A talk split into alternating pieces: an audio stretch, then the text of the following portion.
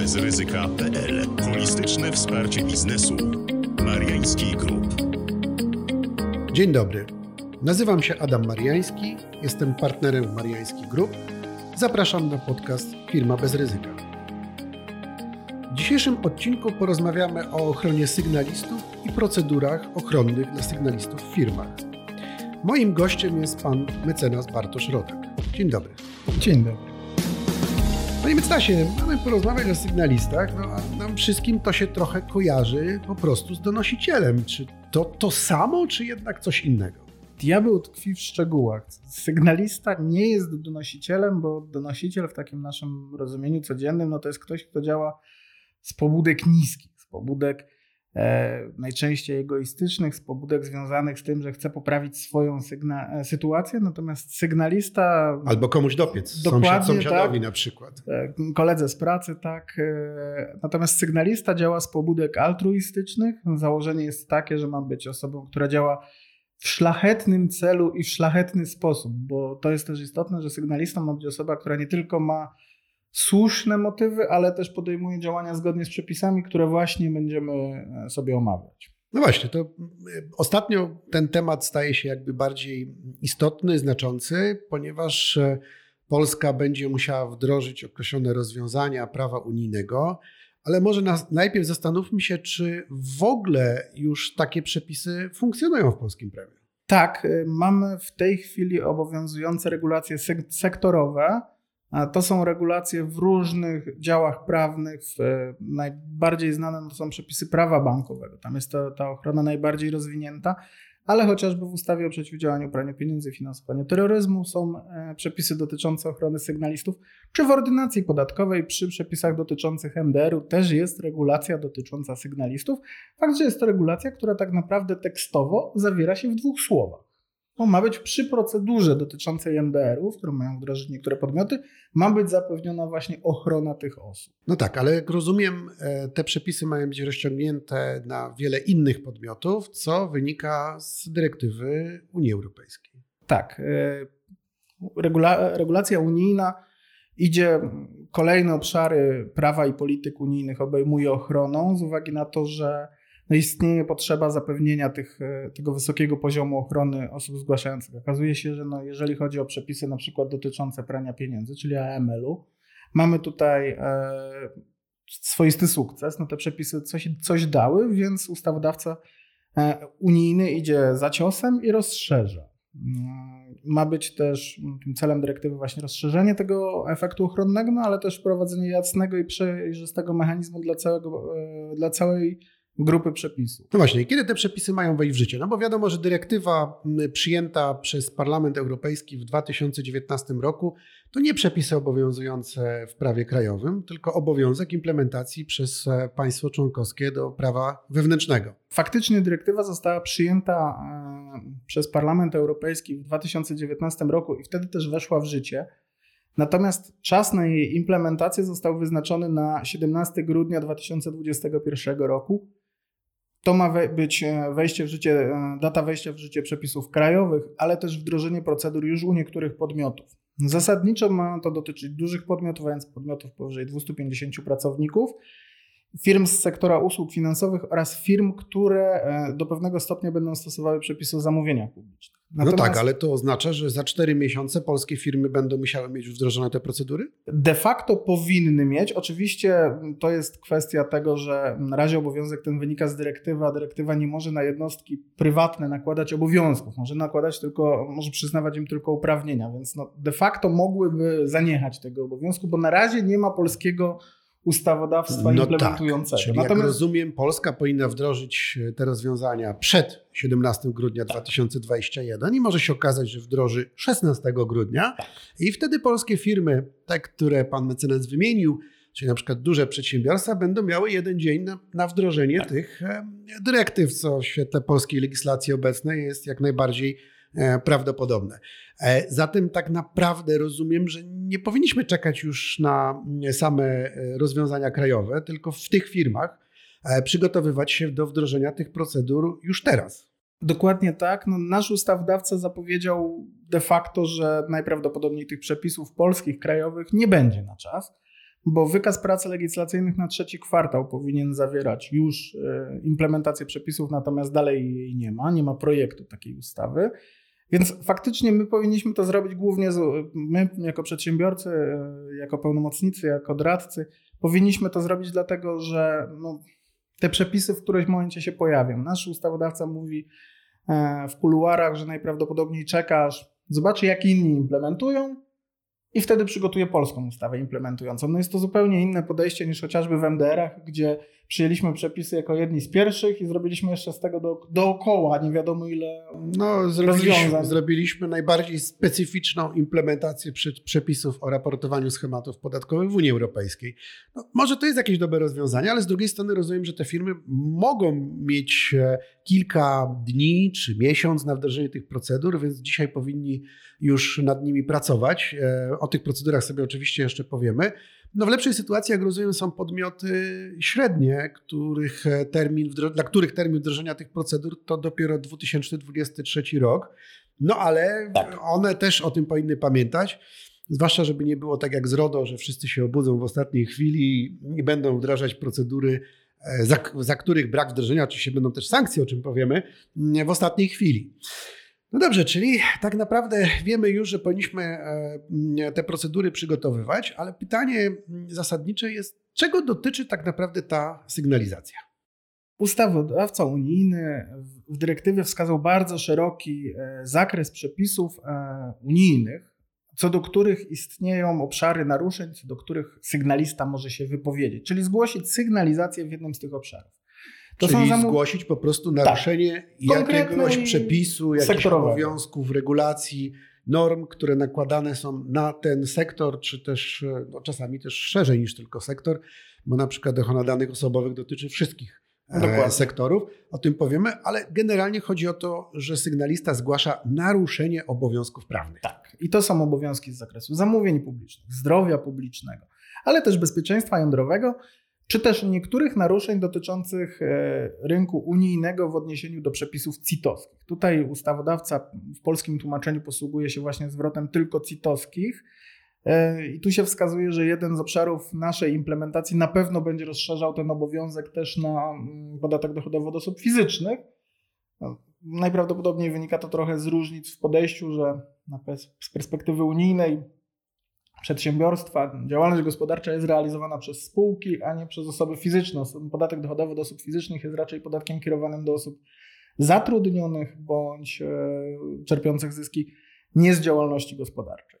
No tak, ale rozumiem, że na przykład takie, takie ciekawe tutaj przykłady, które mogliśmy sobie omówić, jak bezpieczeństwo żywności. Jeżeli dana osoba pracuje w firmie, w której nie zachowane są e, normy dotyczące przetwarzania żywności, na przykład w masarni, no to powinna, nawet ma taki obowiązek w świetle tych regulacji, zgłosić, czyli zasygnalizować takie naruszenie. No i oczywiście odpowiednio być chroniona, o czym za chwilę sobie powiemy, to samo dotyczy na przykład ochrony konsumentów, kiedy jakiś przedsiębiorca narusza prawa konsumentów, chociażby w zakresie e, sprzedaży na odległość, nie zapewnia odpowiednich regulaminów, norm itd. Tak Te tak, wszystkie tutaj... kwestie mogą być, a nawet powinny być zgłaszane. Tak, i to dotyczy zarówno tych obszarów takich właśnie, gdzie na przykład przy, przy ochronie konsumentów, gdzie mamy do czynienia z sytuacją, że regulamin sprzedaży na przykład e, nie odpowiada regulacjom konsumenckim, ale też takich, w których praktyka traktowania konsumentów, praktyka traktowania żywności, czyli coś, co wynika nie bezpośrednio z dokumentów, też jest w jakiś sposób niezgodna z tymi przepisami. Więc no, tu jest dość szeroki ten katalog. I co istotne, on w prawie krajowym, jeżeli kiedyś dojdziemy do implementacji, e, może być rozszerzony. No dobrze, to zastanówmy się w takim razie, bo mówimy o tym, że tu mają być procedury ochronne dla sygnalistów, kto to w ogóle jest ten sygnalista? No, już wiemy, że to jest ktoś inny niż donosiciel, ale de facto ta sygnalizacja w naszym potocznym rozumieniu to też taki trochę donos, tyle tylko, że mający na celu zapewnienie działania zgodnie z prawem, czy też właśnie zgłoszenie e, działania sprzecznie z określonymi normami prawnymi. I kim może być ten sygnalista? W zasadzie sygnalistą e, może być każdy. Sygnalistą może być w pierwszej kolejności pracownik, przyszły, aktualny, były danego pracodawcy, no, który dowiedział się o jakimś naruszeniu w związku z wykonywaną pracą albo z tym, że tą pracę zamierza wykonywać albo już wykonywał, ale może być też to osoba samozatrudniona, może być to akcjonariusz spółki, który formalnie, no poza tym, że ma akcje, no nie ma żadnych ze spółką związków. Może być to też wykonawca, podwykonawca bądź dostawca.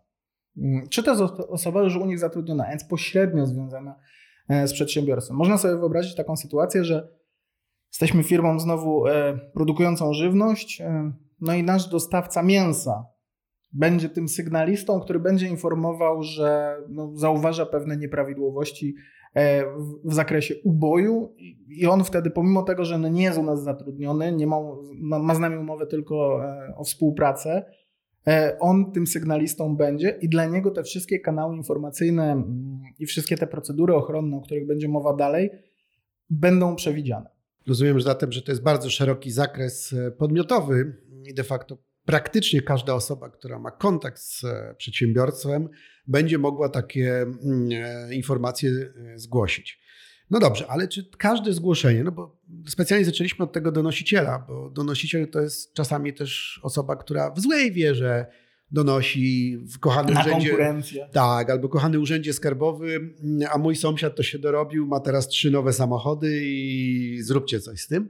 E, czy zatem donosiciel może też działać w złej wierze, czy tu jednak właśnie są jakieś ograniczenia? To jest właśnie ta różnica kluczowa pomiędzy sygnalistą a donosicielem. Sygnalista ma mm, podlega ochronie tylko jeżeli zgłasza mm, sygnalizację, dokonuje tej sygnalizacji w dobrej wierze. Czyli istnieją uzasadnione podstawy do zgłoszenia. Czyli faktycznie jest jakaś substancja materialna za tym naruszeniem, które on zgłasza e, i co więcej, on go dokonuje zgodnie z procedurami. Czyli nie tylko zgłasza, ale robi to też w odpowiedniej formie, czyli poddaje się tym rygorom, bo te rygory pozwalają, przewidziane przez dyrektywę, pozwalają na weryfikację tego zgłoszenia, pozwalają odrzucić te donosy z cyklu uprzejmie z obrzydzeniem donoszę, że ktoś coś, od prawdziwych e, tych sytuacji, które faktycznie wymagają interwencji. Czyli musi być to zgłoszenie w, dobrej, w dobrej wierze przez osobę ujawnioną, nieanonimowy donos, właśnie to będzie różniło to zgłoszenie sygnalisty. No i odpowiedni sposób. I tu powstaje pytanie, jakie są właśnie te kanały zgłoszenia e, tego naruszenia przepisów przez e, norm przez sygnalistę? Ustawodawca przewidział trzy kanały, przy tym, że one są zrealizowane trochę w takiej perspektywie e, schodkowej, czy też jak w niektórych procedurach informatycznych mówi się z pewną eskalacją. To znaczy, podstawowym i głównym kanałem jest kanał zgłoszenia wewnętrznego, czyli w ramach danej organizacji. Dana organizacja, dana spółka, dana firma ma mieć przewidziany kanał na sygnalizację. Alternatywnie przewidziany jest kanał zgłoszeń zewnętrznych, a więc zgłoszeń do urzędów e, odpowiednich, czy też do jednego superurzędu, który miałby się zajmować po prostu obsługą sygnalistów. I ostatecznością jest ujawnienie publiczne, czyli pójście do mediów. Czyli nie może sygnalista zaczynać od tego, że pójdzie do prasy czy telewizji, czy radia i powie, a w mojej firmie to ten ubój odbywa się nielegalnie, nieprawidłowo, a poza tym w mięsie jest tylko 5% mięsa. Zasadniczo nie, natomiast ustawodawca unijny zdając sobie sprawę z tego, że no czasami to, gdyby trzeba było przejść taką procedurę, e, byłoby to wysoce nieefektywne no i mogłoby prowadzić do sytuacji, że od momentu, kiedy ten sygnalista znajduje naruszenie, do momentu, kiedy jest w stanie ujawnić to publicznie, mija wiele czasu, przewidział pewne furtki, które właśnie pozwalają ominąć dany etap procedury, czyli ze zgłoszenia wewnętrznego pominąć je, pójść od razu do urzędu albo nawet pójść publicznie. Tutaj są dość drastyczne przykłady, na przykład wtedy, kiedy sygnalista wie i jest przekonany o tym, że ta sygnalizacja w żaden inny sposób nie jest możliwa, Ewentualnie no, trzeba zapobiec jakiemuś skutkowi w sposób e, no, szybki. Tak, do tego specjalnie no, mówię to uboju, bo jak będzie zgłoszenie wewnętrzne, to w firmie wszystko naprawiam. Jak przyjdzie kontrola, to już ubój będzie prawidłowo robiony i nagle się okaże, że w mięsie jest 120% mięsa, a nie jak wcześniej 5%. Dokładnie. Więc rozumiem, że taka sytuacja by uprawniała, już... mówimy oczywiście w pewnym uproszczeniu, do zgłoszenia publicznego Tak, e, możliwe, takiego że zdarzenia. to byłoby zgłoszenie przez urząd, czyli zgłoszenie chociażby do inspekcji sanitarnej. Do, do urzędu właściwego? Tak, do urzędu właściwego i mielibyśmy sytuację klarowną, natomiast no, może się okazać w bardziej jeszcze ekstremalnych przypadkach, że konieczne jest pójście od razu do mediów. Okej, okay, to już wiemy, kto jest sygnalistą, co możemy, e, co może on zgłaszać, w jakich sytuacjach. No ale pytanie związane także z tematem e, naszego podcastu, czy przedsiębiorca w świetle dyrektywy, bo o tym już zaczęliśmy trochę mówić, ma jakieś obowiązki. E, no, zaznaczyliśmy, że te obowiązki powinny być e, zrealizowane już w określonych terminach, więc ujawniliśmy troszkę rąbka tajemnicy. Więc teraz zastanówmy się, jakie to są właśnie te obowiązki przedsiębiorcy w świetle dyrektywy.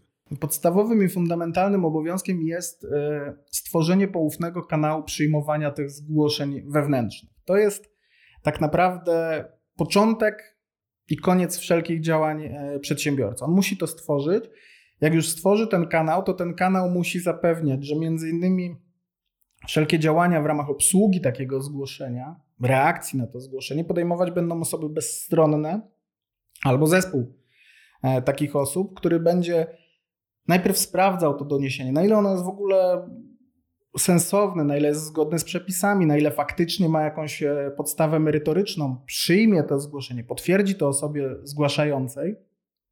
Tutaj istotna jest ta bezstronność i tutaj ujawnia się bardzo istotnie wpływ e, czynników zewnętrznych, no bo można sobie wyobrazić taką sytuację w firmie, że donos dotyczy nieprawidłowości na przykład w dziale księgowym bądź w dziale, nawet w dziale prawnym danej firmy, więc może być konieczne i to jest chyba dobry początek, żeby zatrudniać tutaj osoby z zewnątrz do obsługi tych zgłoszeń. Nie mówię wyłącznie, no bo całkowite zoutsourcowanie też ma swoje wady, natomiast żeby brało w tym udział osoba bezstronna, osoba z zewnątrz, spoza organizacji, no bo ona ma wtedy tą możliwość bycia bezstronną i bezpieczną, e, takiego bezpiecznego kanału informacyjnego. No jak rozumiem, że to w takim sytuacji outsourcować można by było też wykorzystując jakieś e, procedury już przećwiczone i jakieś zautomatyzowane procesy raportowania przez sygnalistów, tak żeby to było łatwe e, i zrozumiałe dla tych, którzy mają e, to zgłosić, czyli dla samych sygnalistów. Tak, tutaj bardzo ta potrzeba zautomatyzowania jest dość istotna, biorąc pod uwagę terminy, które są, bo na potwierdzenie przyjęcia zgłoszenia mamy 7 dni według dyrektywy. I założenie jest takie, że część z tych e, donosów, e, tych sygnalizacji będzie anonimowa, bo to jest istotna też rzecz, że mamy mieć procedurę, która zapewnia możliwość anonimowego składania e, zawiadomień.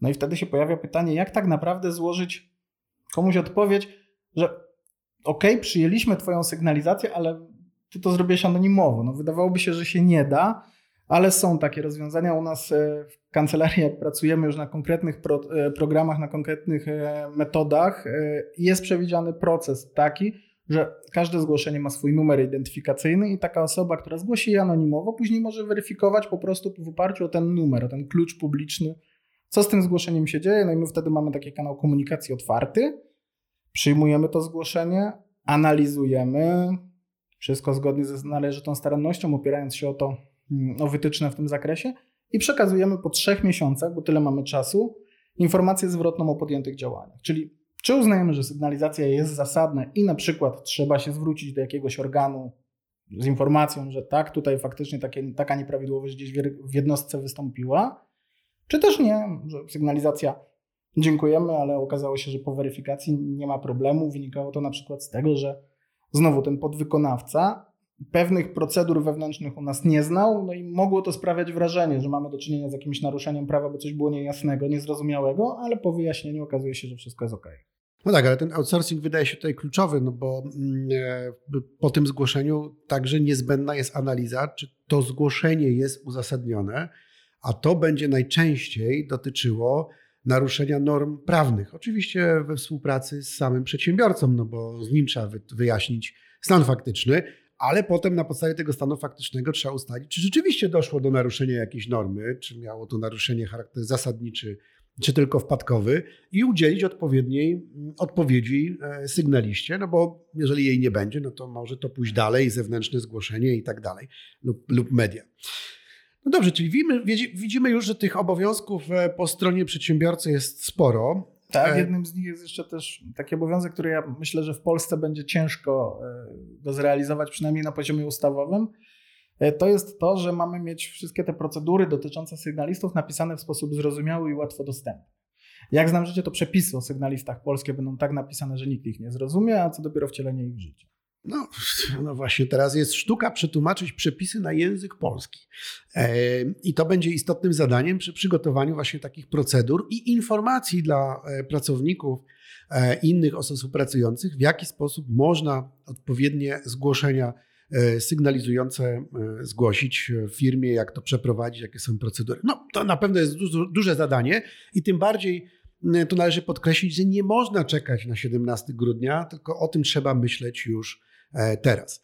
No dobrze, ale taki sygnalista zgłosi coś, okaże się, że to jest zasadne albo niezasadne, może nawet niezasadne, no to później ten przedsiębiorca podejmie pewne środki odwetowe w stosunku do niego, tak? Jakiś mobbing sam, albo sam, zwolnienie. Sam pracodawca, ale czasami też ta osoba, którą nazwijmy to sygnalizujemy, że ona działała nieprawidłowo, bo to często jest tak, że faktycznie zgłasza się, że na przykład no, kolega z działu E, coś, e, na przykład towar jakiś sprzedaje poza obiegiem e, fakturowym z magazynu albo wynosi z magazynu i tak dalej.